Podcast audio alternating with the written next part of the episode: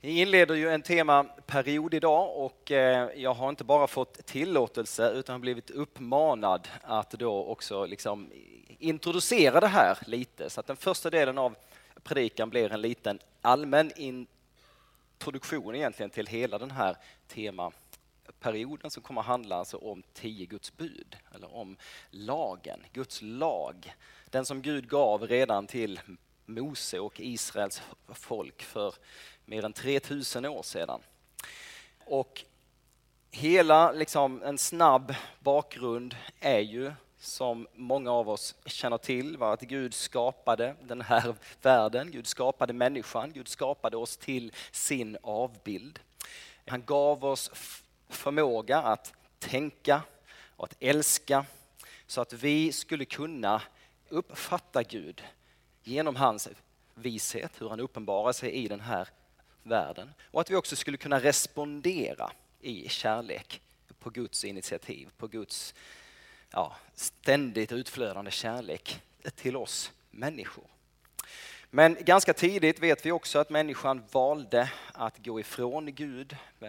Människan vände Gud ryggen. Syndafallet äger rum redan i Bibelns tredje kapitel. Det blir en, en spricka, det blir en schism mellan Gud och människan och mellan människa och människa. Och trots det så finns ju de här förmågorna hos människan fortfarande där. Det är skadat, relationen är skadad, världen är skadad, människan är skadad. Men förmågorna finns ju fortfarande där. Vi har vårt förnuft, vi har vår förmåga att älska. Gud fortsätter på de här olika sätten att försöka uppenbara sig för människan genom hela historien på olika sätt. Att vi ska kunna ana honom med vårt förnuft i skapelsen, i det vi ser eh, runt omkring oss. Och att vi också ska kunna gensvara, möta honom i en relation, i kärlek, gensvara på hans kärlek. Det främsta sättet som Gud visar sin kärlek till den här världen, det är att han själv kommer ner hit han blir en del utav sin egen skapelse. Han sänder sin son Jesus som får födas som en människa, leva sitt liv här nere. Han uppenbarar sig allra tydligast på det sättet genom sin egen son. Och att tro på honom, det är liksom Guds vilja nummer ett. Jesus kommer hit ner och så säger han bland annat, eh, tro är att det här är Guds vilja att ni ska tro på honom som han har sänt. Att tro på Jesus, det är grunden för att människan ska kunna återkomma, återföras i en intim och nära relation med Gud. Så som det var från början i skapelsen, när människan och Gud levde sida vid sida. Det fanns inte några hinder. Tron på Jesus är vägen tillbaka dit då kommer människan åter i den här nära förtroliga relationen med Gud. Så det är det yttersta beviset på att Gud älskar. Så älskade Gud världen, skriver Johannes, att han gav den sin enda son. Men Gud har också då uppenbarat sig eh, på andra sätt. Gud sätter ett värde på den här bortkomna eh, människan, på den här vilsegångna eh, människan. Också genom att ge, liksom, vi kan kalla det för en instruktion för livet. När vi köper prylar, vad den är, så följer det alltid med en instruktionsbok hur man ska hantera den här saken för att den ska hålla så länge som möjligt, för att den ska fungera och vara så effektiv som möjligt. Gud ger också mänskligheten någon form av instruktion till livet, hur livet ska levas. Eh, en instruktionsbok liksom, där vi kan checka av. Gör det här, gör inte det här, så blir livet godast, så blir livet bäst, så blir livet så som jag har tänkt att det ska vara. Och Guds lag fungerar på ett sådant sätt. Och Jesus kommer då och han eh, upphäver inte den här lagen utan istället eh, fullbordar han den. Alltså Jesus själv då är den enda människan genom alla tider som fullbordar lagen, som gör vad lagen säger, som lever i enlighet med lagens bud och som aldrig eh, gör något fel. Jesus är den enda människan som är då vad vi säger på teologiskt språk rättfärdig. Den enda människan som har levt ett helt igenom rätt liv utan synd. Så Jesus fullbordar lagen, han uppfyller lagens krav. Det som ingen annan människa, det som inte du och jag klarar av, det gör eh, Jesus. Så lagen upphävs inte, men Jesus fullbordar den. Och det innebär ju också att i och med Jesus så, så eh, försvinner inte lagen. Han upphäver så att säga inte den, utan den är fortfarande giltig och en god regel för det mänskliga livet. Men Jesus är den enda som har liksom levt upp till alla dess krav. Och rättfärdiggörelsen, det här teologiska ordet, innebär ju att Jesus ger oss som en gåva möjlighet att få ta del av hans fullbordan. Så att säga. Han har fullbordat laget och han säger, vill du också fullborda lagen, ta min hand, kom in i en relation med mig så blir du också fullbordad. Så blir du också rättfärdig. Men fortsatt är lagen eh, liksom given av Gud. Det är en god lag, det är en god regel för livet. Och som inledning på den här perioden så kan det vara ganska nyttigt att, att påminna oss om vad de, ja, de, gamla, de gamla kristna lärarna, vad de sa om lagen. Och det brukar oftast säga så att lagen har eh, tre olika användningsområden, tre olika bruk. Och eh, i pedagogiskt syfte så använde då de gamla lärarna tre ord som lite grann åtminstone rimmade på varandra. Det första ordet är då att lagen är tygeln. En tygel på en häst, vet ni, den håller tillbaka hästen när den kanske blir lite för ivrig och vill eh, springa iväg på egen hand. Likadant är det kanske med våra trafikmärken runt omkring oss som vi har. Anvisningar, både förbud och påbud som hjälper oss hur vi ska eh, färdas i trafiken för att inte skada oss själva, för att inte skada andra, för att det ska flyta smidigt och vi ska komma från punkt A till B.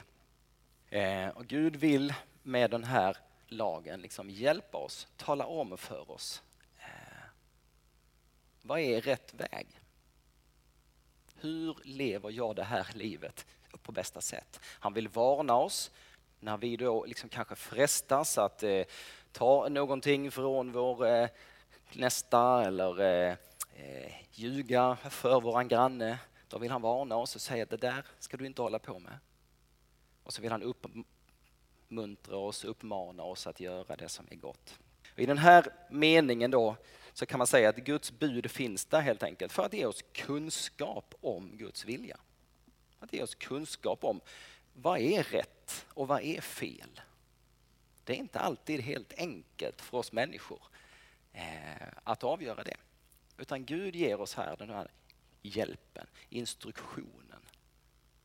Vad är rätt och fel enligt Gud? Paulus han utlägger det här jättemycket. Ni kan gå hem och läsa sen i eftermiddag Romarbrevet 3. Det är ett bra kapitel att ofta återvända till.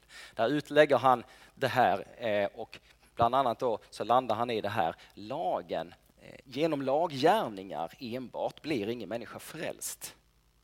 Utan där är det återigen, va? vi behöver Jesus, vi behöver hans, han har fullbordat lagen, vi behöver honom. Utan lagen, säger han, kan bara ge insikt om synd. Och det är så att säga lagens första uppgift. Att hjälpa oss människor att se, mm, vad är rätt, vad är fel, vad är synd i Guds ögon. Lagen kan ge insikt om synd. Och det andra bruket då, det är att lagen fungerar som en spegel. Några av er känner säkert till berättelsen om kung David. Vi kan läsa om honom i Gamla testamentet, bland annat i Samuelsböckerna. Vid ett tillfälle så begår han äktenskapsbrott och mördar den här kvinnans man som han begår äktenskapsbrott med. Och helt uppenbart vid det här tillfället så verkar inte David, jag vet inte om han lever utan lag, han verkar inte ha några samvetsbryderier över det där han har gjort. Men så kommer profeten Natan eh, och besöker honom.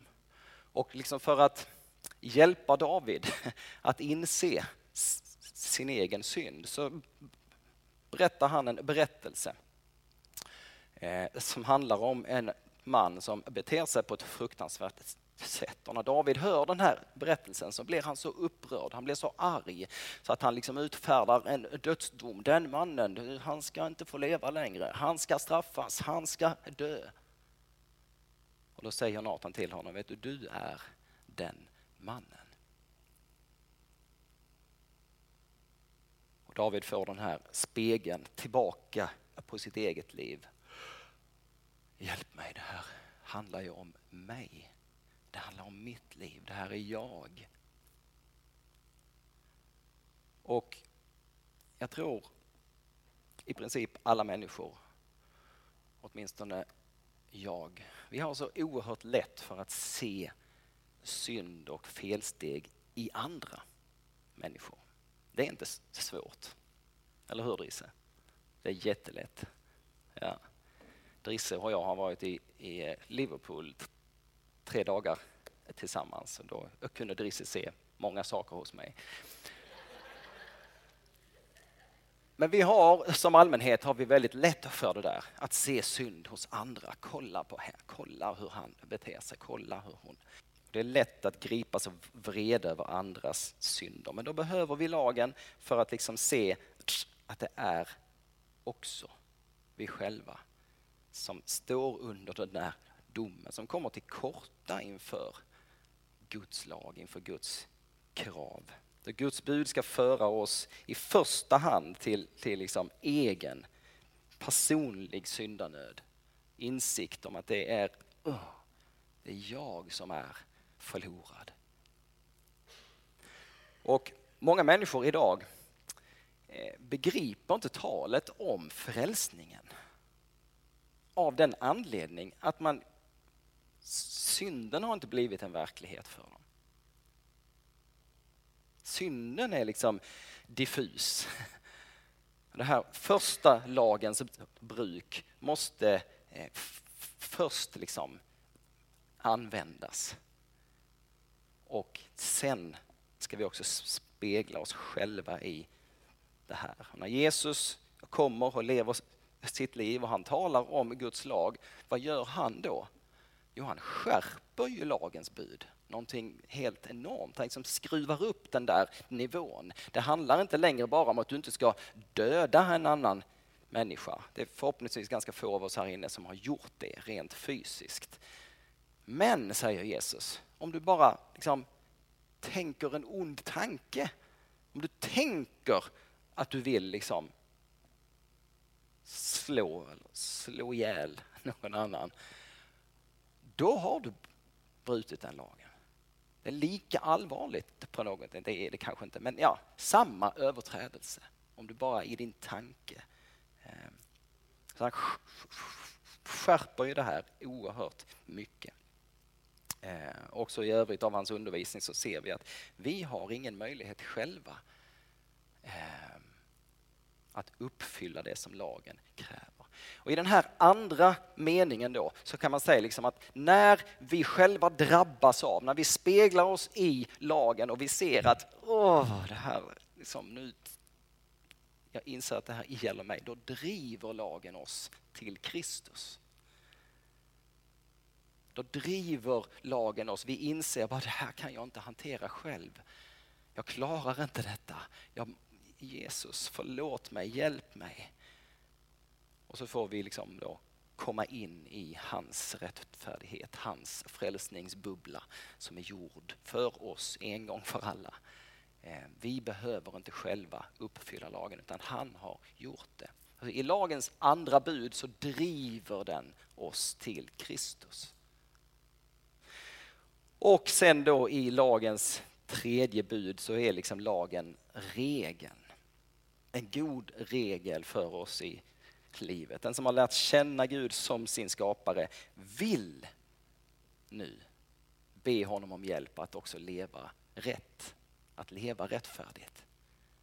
Eh, vi behöver inte leva rättfärdigt för att bli frälsta, men när vi är frälsta, när vi har blivit frälsta av nåd, av gåva, då vill vi leva rättfärdigt.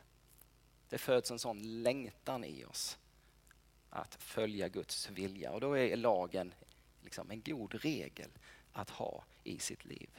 Eh, och då blir liksom Guds bud kära för oss. Eh, samtidigt som vi lever kvar i den här fallna världen, jag lever kvar i min fallna natur, eh, så jag har liksom fortfarande någonting i mig också som strider mot den här lusten att följa Guds lag. Och det talar också Paulus om har Bibeln på många olika sätt. Va? Lagen behövs då liksom för att bekämpa den gamla, den onda naturen i oss och för att föda fram eh, den nya. Det talas om att liksom döda köttet, döda den gamla människan, den gamla Adam. Och I den här meningen blir då lagen eh, en del i, en hjälp i det vi kallar för vår helgelseprocess, att bli mer lika Jesus. Leva våra liv i enlighet eh, med det han vill. Mm. Så med den här lilla bakgrunden, låt oss då eh, nalka oss och ställa oss inför det där första budet. Vi hittar det i ett sammanhang där Gud precis då har fört ut sitt folk ur en eh, 400-450 år lång period av slaveri i Egypten. Han har befriat dem på ett mäktigt, fantastiskt, underbart sätt. Han har fört dem ut i öknen.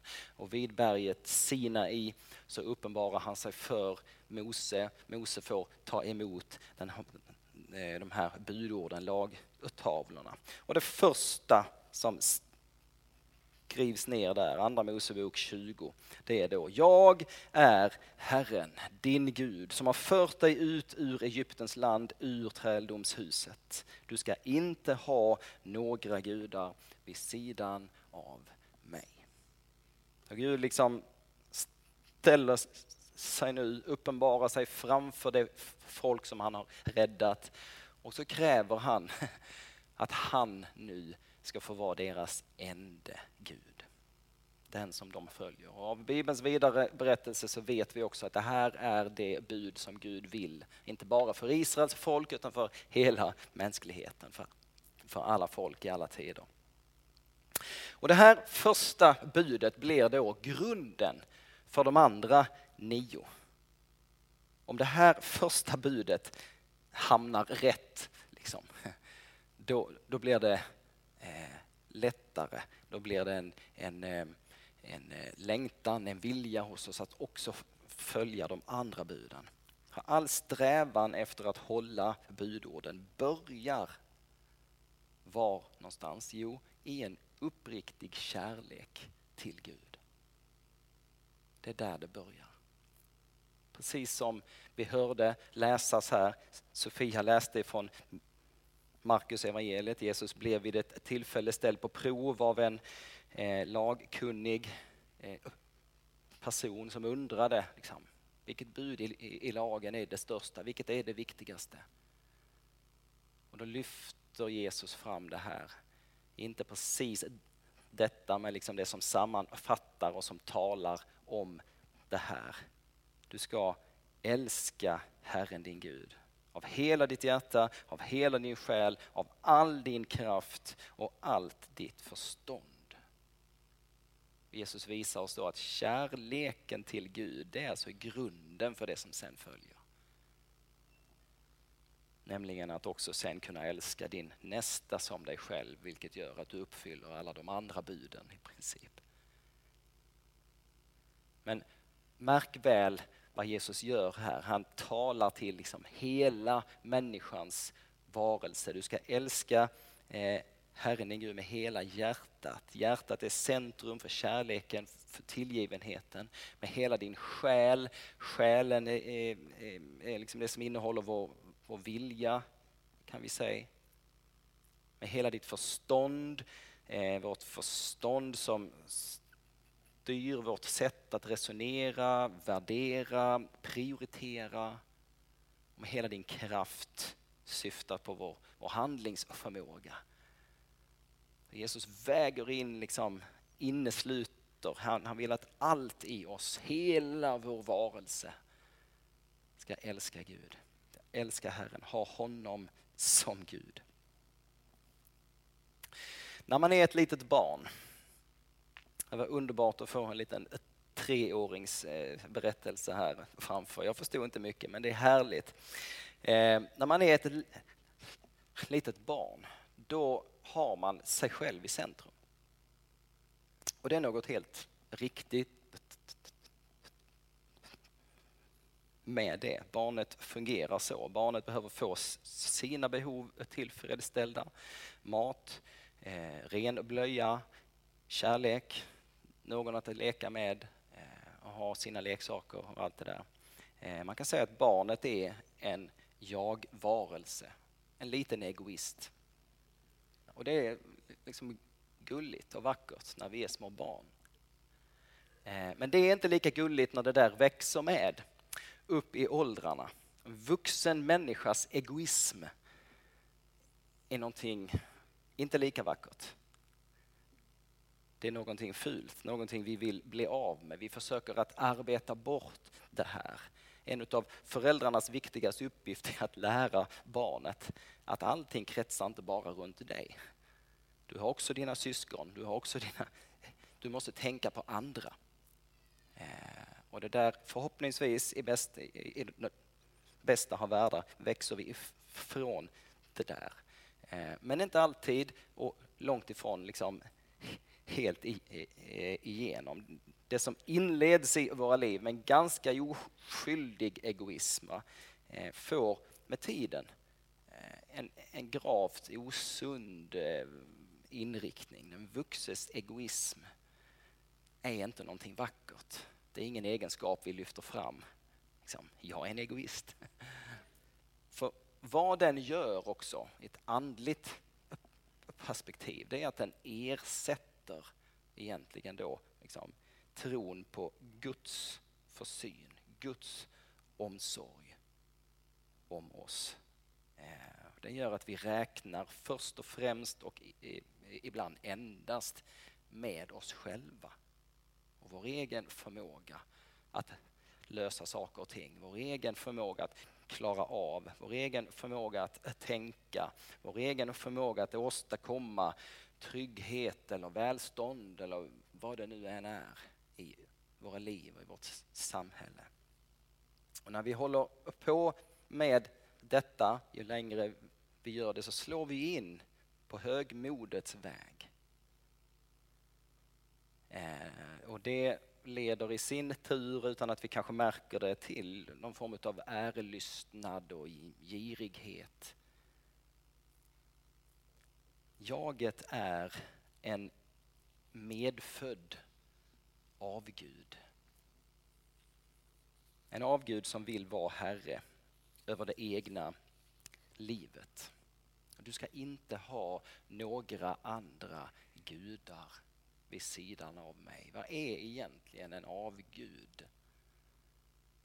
Jag vet inte om vi börjar tänka på liksom, vad finns det för gudar? Tro, Tor, Oden och Freja, de är inte superaktuella idag. Liksom. Det är vanliga, betydligt vanligare i, i, andra delar av världen när man åker ut att det faktiskt liksom finns gudar eh, som tillbeds och vördas och, och allt det där. Men vad är en avgud egentligen?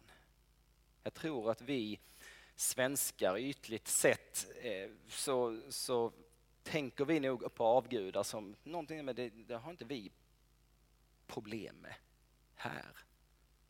Tor, Oden och Freja, det, det, var ju länge sedan. Liksom. Vi har ju inga sådana idag.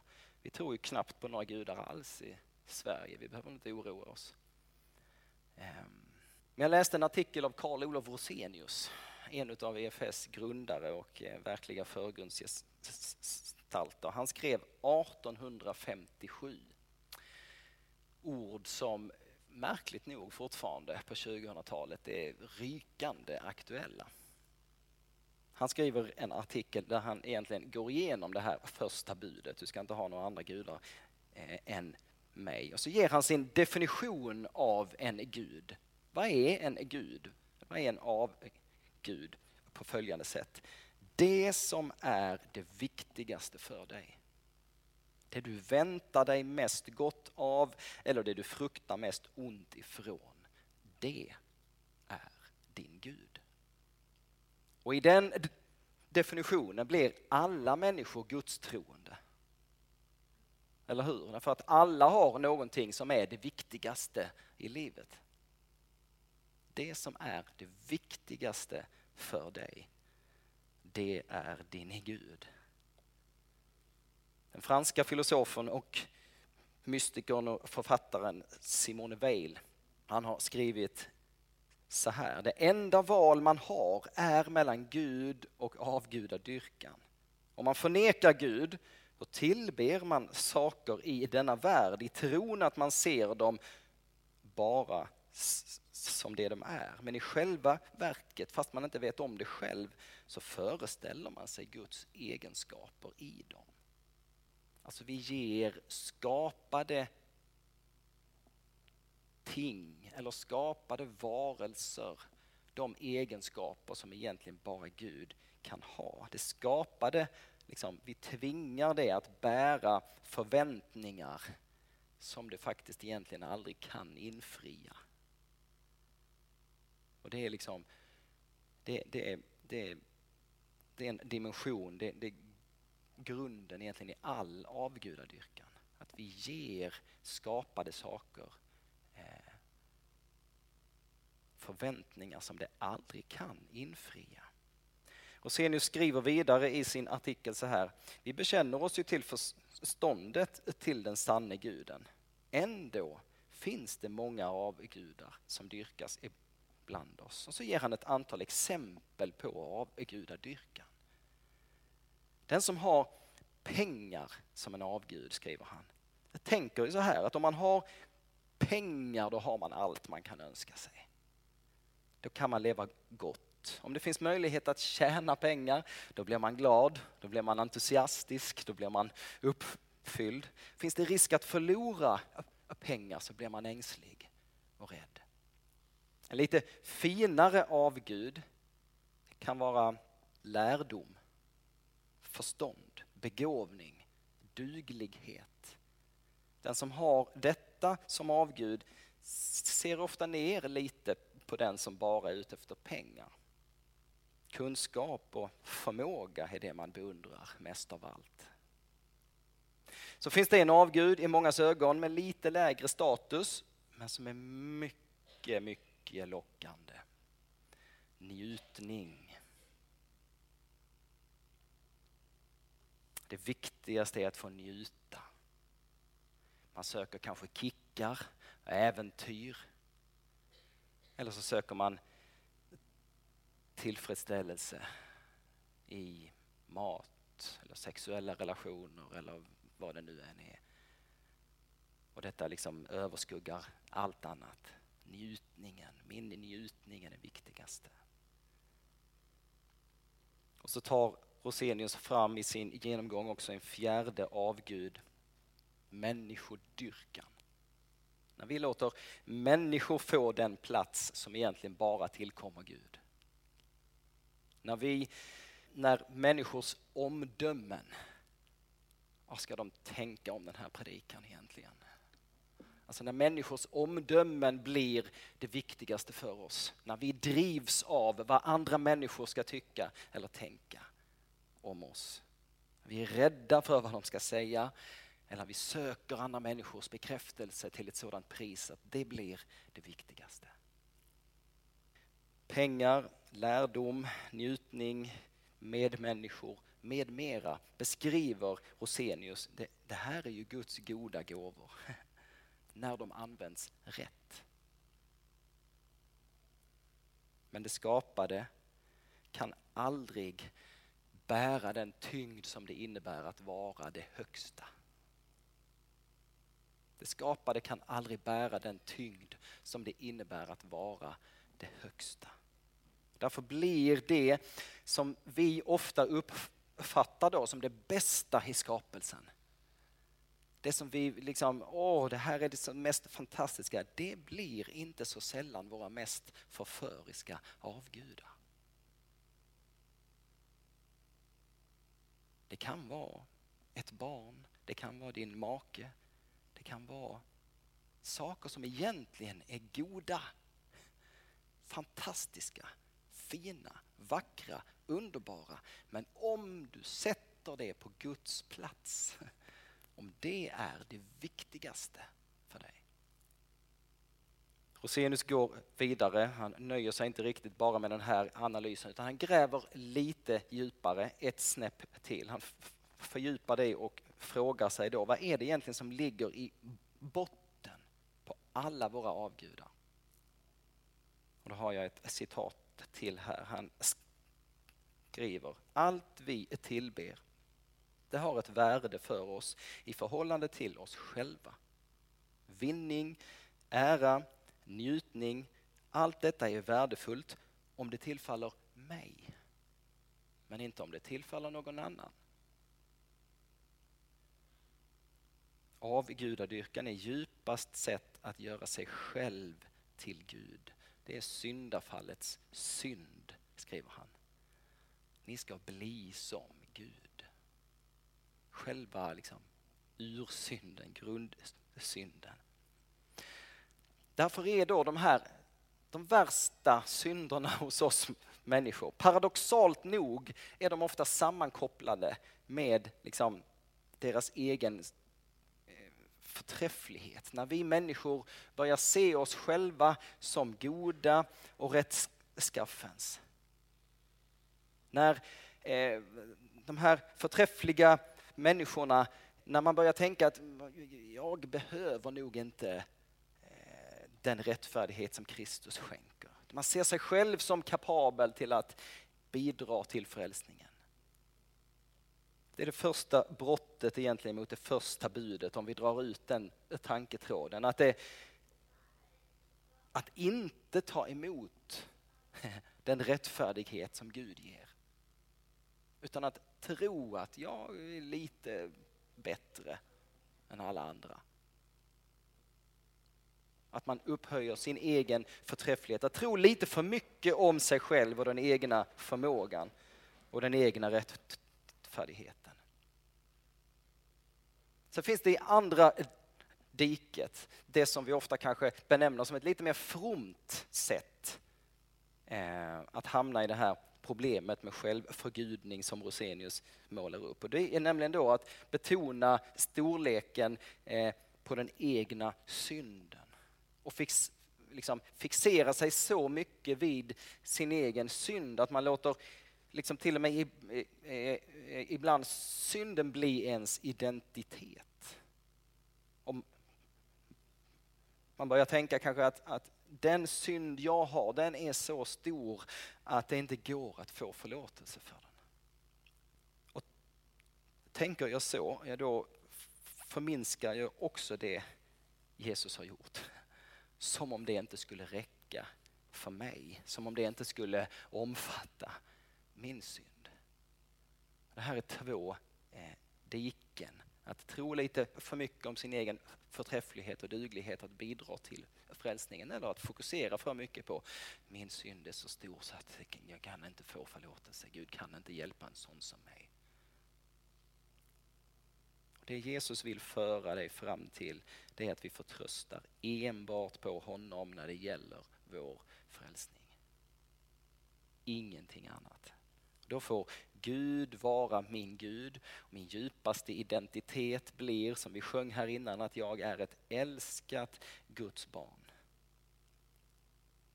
återigen på liksom teologiska så kan man uttrycka det som att den kristna rättfärdiggörelseläran, att jag blir rättfärdiggjord på grund av att Kristus är rättfärdig, den talar egentligen om hur det första budet uppfylls. Och de här tankarna från Rosenius är ju liksom 1850-tal, vad är det? Det är snart 100, 180 år sedan. Eh, de är inte nya. Rosenius spann vidare och byggde på det som Martin Luther hade talat om på 1500-talet. Eh, och den här är en typ utav förkunnelse, eh, utläggning som faktiskt inte bara gick hem på 1500-talet eller 1800-talet. Utan som visar sig vara, den är precis lika gångbar idag. Jag vet inte om ni har hört talas om Timothy Keller som tyvärr gick, gick bort här förra året men som är eh, han var eh, pastor i Redeemer Presbyterian Church mitt i New Yorks innerstad och blev känd för egentligen att, att vara den som, som lyfte fram det här lutherska och också rosenianska eh, arvet, den här analysen av människans problem och kunde tala om den på ett sådant sätt idag så att en modern New York-bo, en ung New Yorkare i New Yorks innerstad liksom, kunde inse sin egen belägenhet, sin egen position inför Gud. Han sa flera gånger att det här det är så tydligt att vi alla brottas med våra olika typer av avgudar. Och vår tendens till självförgudning, alltså att bli våra egna gudar. Där är människan oföränderlig. Det spelar ingen roll vilket århundrade vi befinner oss i. Det går inte att resonera med nu är det 2024, nu har vi väl kommit längre. Nej, människan, våra samhällen, våra teknik, hur, hur vi gör saker förändras. Här inne förblir människan i stort densamma. Problemen är likadana när det kommer till vårt förhållande till Gud. Därför menar Timothy Keller att det här, de här gamla tankarna, de gamla lärarna. Det går att tala på ett sådant sätt idag för att nå människor med evangeliet. Och han fick se det i en växande församling mitt i New Yorks innerstad. Eh, och här kan det första budet vara en hjälp. Det kan liksom avslöja oss men också peka då ganska tydligt på den frälsning som Gud ger. Och vi kan behöva spegla oss själva i det här budet. I princip alla andra bud som ni sen ska prata om här så går det att, att eh, det, det, går för en, en, en utomstående part att se om du ehm, eh, dödar någon eller om du kanske ljuger för någon. Eller liksom. Men det här första budet. Det är inte lika lätt att avslöja. Utan där vill det till en ransakelse, där vill det verkligen till en spegel. För att vi ska se, för att vi ska erkänna för oss själva, hur står det till i mitt liv? Vad är egentligen det viktigaste för mig? Vad är min Gud? Vad är min avgud? Ställ dig, våga ställa dig naken framför Gud i en, inte bara en liten rund spegel så att du ser vissa delar, utan en helkroppsspegel. Ställ dig där framför Gud i en helkroppsspegel. Från alla håll och kanter speglar du dig i det här budet. Är det inte så att vi vågar ofta stå nakna inför de som vi verkligen vet älskar oss? Då vågar vi stå där med våra love handles och våra eh, eh, snitt och allt, eh, våra skavanker. För vi vet att vi älskar det. Det spelar ingen roll.